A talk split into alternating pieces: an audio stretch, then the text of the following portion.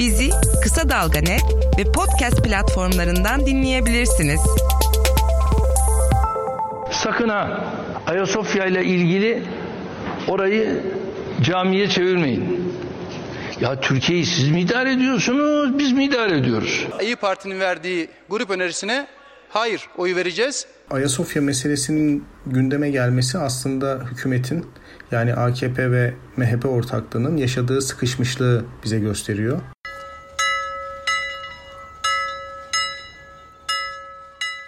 Ayasofya, tarihi çok uzun. Tabii yarattığı siyasi sonuçlar ve tartışmalarda. Bizans ve Osmanlı dönemlerini gören Ayasofya, laik cumhuriyetin ardından şimdi de siyasal İslam'a tanıklık ediyor. Ancak öyle gelgitler yaşanıyor ki iktidar birkaç gün önce camiye dönüştüreceğiz dediği Ayasofya konusunu muhalefetin açacaksanız açın diye bastırması sonucunda şimdi geçiştirmeye çalışıyor.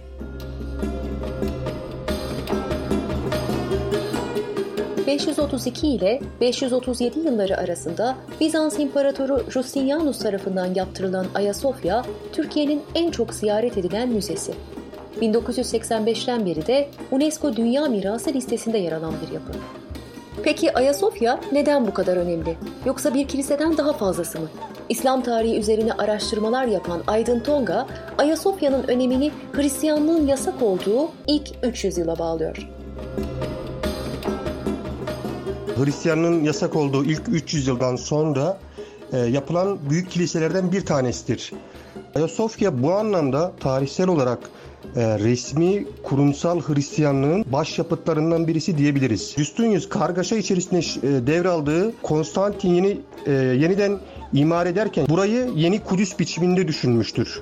Yani Konstantin e, eşittir yeni Kudüs. Bu anlamda çok büyük bir e, sembolik ve politik bir anlamı vardır Ayasofya'nın.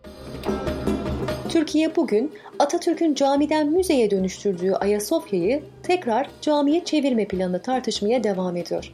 Bu plan siyasal İslam'ın hep dile getirdiği bir vaatti. Çok yakında şu Ayasofya'yı tekrar ibadete açacağımız günün heyecanını duydum. Milli Görüş'ün kurucusu ve hocası Necmettin Erbakan, yaşamı boyunca Ayasofya'nın ibadete açılmasını arzuladı. Erbakan konuyu sık sık gündeme taşır, kimi kongrelerini Ayasofya'da toplanmak üzere sözleriyle bitirirdi.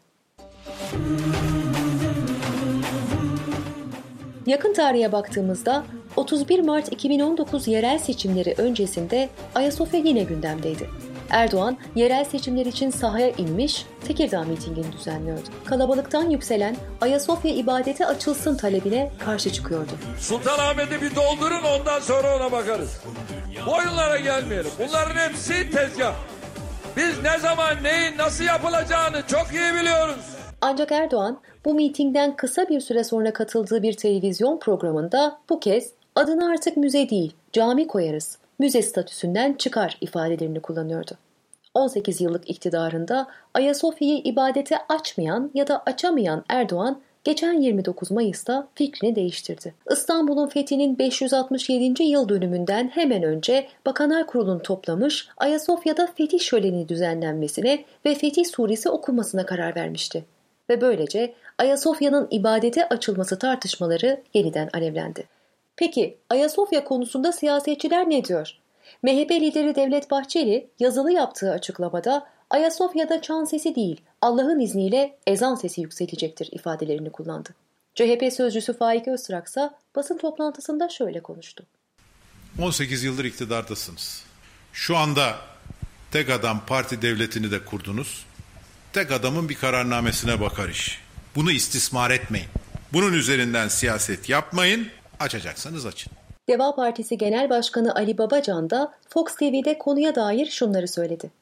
Ne zaman ki iç politikada sıkışsa mesela Ayasofya gündeme gelir. Şöyle bakın bir yakın tarihe. İç siyaset sıkışınca Ayasofya gündeme gelir hemen. Birkaç gün insanlar kendi gündemini unutuyor. İşsizliğini unutuyor. Evde ekmek olmadığını unutuyor. Gidecek işi olmadığını, iş yerinin kapandığını unutuyor. Ha, evet diyorlar. AKP mecliste red oyu kullansa da konuyu tekrar gündeme getireceklerini söylüyor. Peki Ayasofya'nın ibadete açılmasının ekonomik maliyeti olur mu? İktisatçı yazar Cüneyt Akman yanıtlıyor. Ayasofya'nın cami haline getirilmeye dönüştürülmesi yeniden e, aynı anda hem Batı ile hem de üstelik e, Rusya ile arayı bozabilecek tek tük konulardan bir tanesi. Dolayısıyla son derece sıkıntılı bir konu. Bütün gelişmekte olan ülkeler e, bir kırılganlık içindeyken Türkiye e, iç borçlar ve dış borçlar açısından sıkışma noktasına girmişken, Covid sorunu varken ve daha bir döviz krizinden yeni yeni e, kurtulmaya çalışırken ülke e, sürekli dışarıya para kaçarken 20 küsür haftadan beri e, böyle bir e, batıyla e, özellikle yeni bir sıkıntı, bir kamuoyu problemi yaratmaktan kaçındı. Asıl mesele o. Hayata kulak ver. Kulağını sokağa aç. Haberi duy. Haber podcastle buluştu. Kısa Dalga Podcast. AKP ve MHP her şeye rağmen Ayasofya'yı ibadete açarsa döviz etkilenir, dolar yükselir mi? Etkilerde. Çünkü durum çok kötü e, şu noktada. Çok kırılgan bir e, durumda. Hem dünyaya hem e, gelişmekte olan ülkeler hem de özelde Türkiye böyle. Dolayısıyla Ayasofya'nın hani bütün bu karışıklıklar arasında tek eksik olan hani Ayasofya'nın e, cami meselesi. E, onu göze alamadılar. Yani hadise o ama devamının geleceğini tahmin ediyorum. CHP'li Öztrak ve Deva Partili Babacan'ın da söylediği gibi ortada gerçekten siyasi bir sıkışmışlık mı var? AKP 18 yıllık iktidarında Ayasofya'yı ibadete açmadı da neden şimdi açmak istiyor ya da istedi? AKP niye geri adım attı? MHP meseleye dahil olarak bu girişimden ne umdu? Siyaset bilimci Burak Bilgehan Özpek yanıtlıyor. Ayasofya meselesinin gündeme gelmesi aslında hükümetin yani AKP ve MHP ortaklığının yaşadığı sıkışmışlığı bize gösteriyor. Çünkü Türk sağı için Ayasofya bir mit. 70'li ve 80'li yıllarda, 90'lı yıllarda birçok İslamcı ve sağcı yazar Ayasofya'yı egemenliğin ihlali olarak gördüler. Cumhuriyeti kuran eliti klasik İslamcı düşüncenin kalıplarıyla okumaya eğilimlidirler ve onları Batı işbirlikçisi olarak görürler. Kurtuluş Savaşı'nın yapılmış olmasını, egemenliğin emperyalist güçlere karşı kazanılmış olmasını yok sayarlar. Mısır gibi, Tunus gibi, Libya gibi örnekler üzerine ilerlemeye çalışırlar. Orta Doğu'daki hikayeyi Türkiye'ye uyarladıkları zaman Ayasofya'nın müze olması Türkiye'deki kurucu elitin Batı ile işbirliği yapmasının bir sembolü olarak görüldü. Özpek'e göre iktidar Ayasofya'yı tartışmaya açarak yine kutuplaşma hedefledi. Ancak görünüşe göre bu plan tutmadı. Bakın İyi Parti lideri Meral Akşener parti olarak verdikleri araştırma önergesinin detaylarını nasıl anlatıyor? Biliyorsunuz bu arkadaşlar 18 yıldır zaman zaman sıkıştıklarında Ayasofya'yı gündeme getirirler. Biz sıkıldık, onlar hala sıkılmadı. Önerilerinde samimiler mi merak ettik. Dün Ayasofya'nın cami olarak ibadete açılmasıyla ilgili bir araştırma önergesi verdik. Bilin bakalım ne oldu. Siz biliyorsunuz da aziz milletimiz için söylüyorum. AK Parti red oy verdi. MHP ve HDP çekimser kaldı ve önergemiz reddedildi. Ee, insana böyle ayna tutarlar. Utanç size bir süre yeter. Özbek de sözlerine şöyle devam ediyor. Bu konunun çözüme kavuşturulmasından ziyade bana sorarsanız e, bu konunun yönetilmesi, kamuoyunda köpürtülmesi ve tartıştırılması, e, bu konuya muhalefet edenlerin üzerinden yeni bir e, biz onlar ayrımı yaratılması amaçlanmakta. Yani konu gündemde kalsın, muhalifler buna karşı çıksın.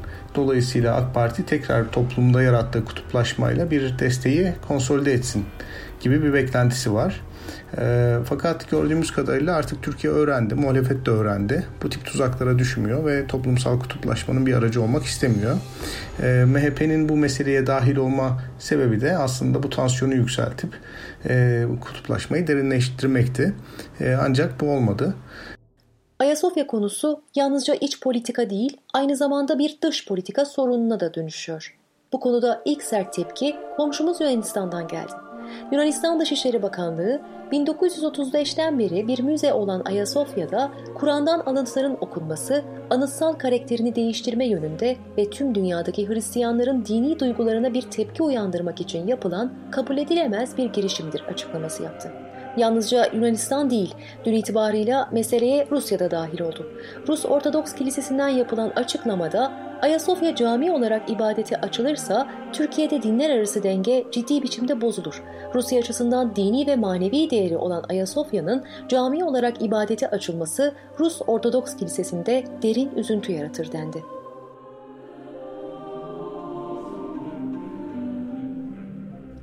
İslam tarihi araştırmacısı Aydın Tonga bu konuda şöyle diyor. İstanbul'daki e, o günkü e, adıyla Konstantin'deki Süleyman Tapınağı'dır e, Ayasofya Kilisesi. En azından o örnek alınmıştır, o baz alınmıştır.